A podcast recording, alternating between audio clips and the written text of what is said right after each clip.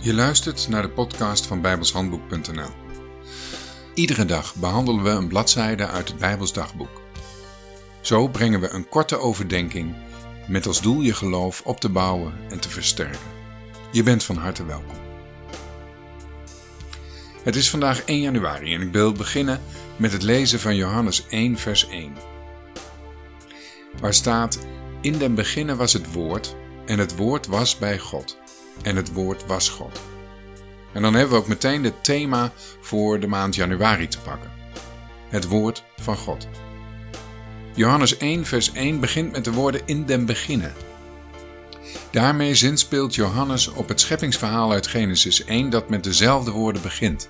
Hij heeft het hier immers over het woord, waardoor al het geschapene is ontstaan.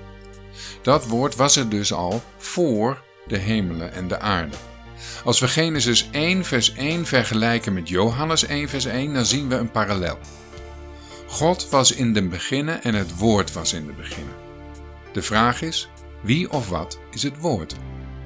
En dan blijkt uit het vervolg van Johannes 1 dat het om de Heere Jezus gaat. We lezen in vers 14 dat het woord vlees is geworden. Johannes heeft hier duidelijk de persoon van de Heere Jezus op het oog.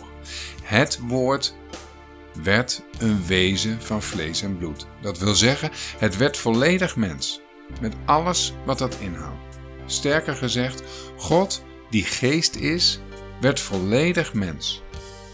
Voor Johannes is de gedachte aan de zonde daar niet bij inbegrepen. Vanuit het Grieks wordt erop gewezen dat het bij de vleeswording om een historisch gegeven gaat. Het is werkelijk gebeurd.